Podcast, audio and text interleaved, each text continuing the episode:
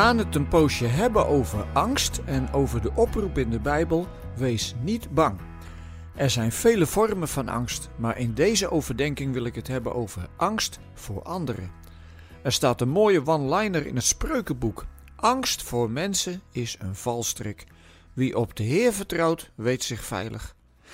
Ik vraag me wel eens af of er mensen bestaan die echt voor niets en niemand bang zijn, of dat ze zich dat zelf aanpraten.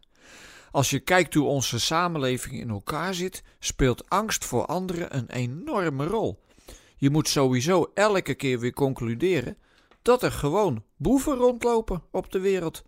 Dat het voor een aantal mensen totaal niet vanzelfsprekend is om je aan de wet te houden. Lees ik net weer in de krant dat er in oude Duitse bunkers bij de grens aan kapitalen voor illegaal vuurwerk ligt opgeslagen om naar Nederland te worden gebracht. En hierbij gaat het echt niet om ingewikkelde spelregels. En zo zijn er ontzettend veel voorbeelden te geven van mensen die kwaad willen. Het gaat dan vrijwel altijd om het geld. Denk maar aan die vreselijke drugshandel.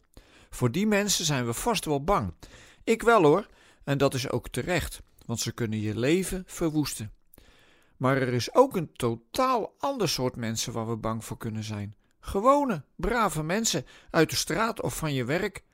En we zijn niet bang voor ze omdat ze ons van alles dreigen aan te doen. Nee, het zit in onszelf. En wat is dat dan? Nou, we zijn vaak ontzettend bang om uit de toon te vallen. Dat kan zich uiten op allerlei subtiele manieren. We hebben sowieso onze omgangsvormen geleerd. Die zijn over het algemeen heel nuttig, maar soms ook gewoon overdreven. En als mensen daarin opgaan, verstarren ze en gebruiken bij alles het argument: maar het hoort zo. Terwijl er natuurlijk niets hoort op de wereld. Dat hebben wij met elkaar bedacht. Wie zijn kinderen opvoedt met het argument dat het zo hoort, heeft niet veel pedagogisch aanbod. Je kunt beter uitleggen waarom je vindt dat het zo hoort. Maar we hebben vaak ook angst voor mensen met de achterliggende gedachte: als ik maar niet als minder overkom. En dan probeer je krampachtig in alles mee te gaan.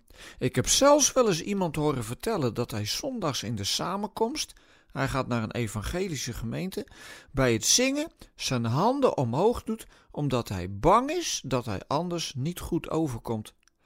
En nu wordt ons in spreuken verteld dat het een valstrik is om angst te hebben voor mensen, en dat als je op de Heer vertrouwt, je je veilig mag weten. Waarom is het een valstrik? Omdat mensen kunnen veranderen en je het toch nooit goed doet voor iedereen. En ook omdat je je dan uitlevert aan wat ze van je vinden. Dan lever ik me liever uit aan God, want op Hem kun je echt altijd rekenen.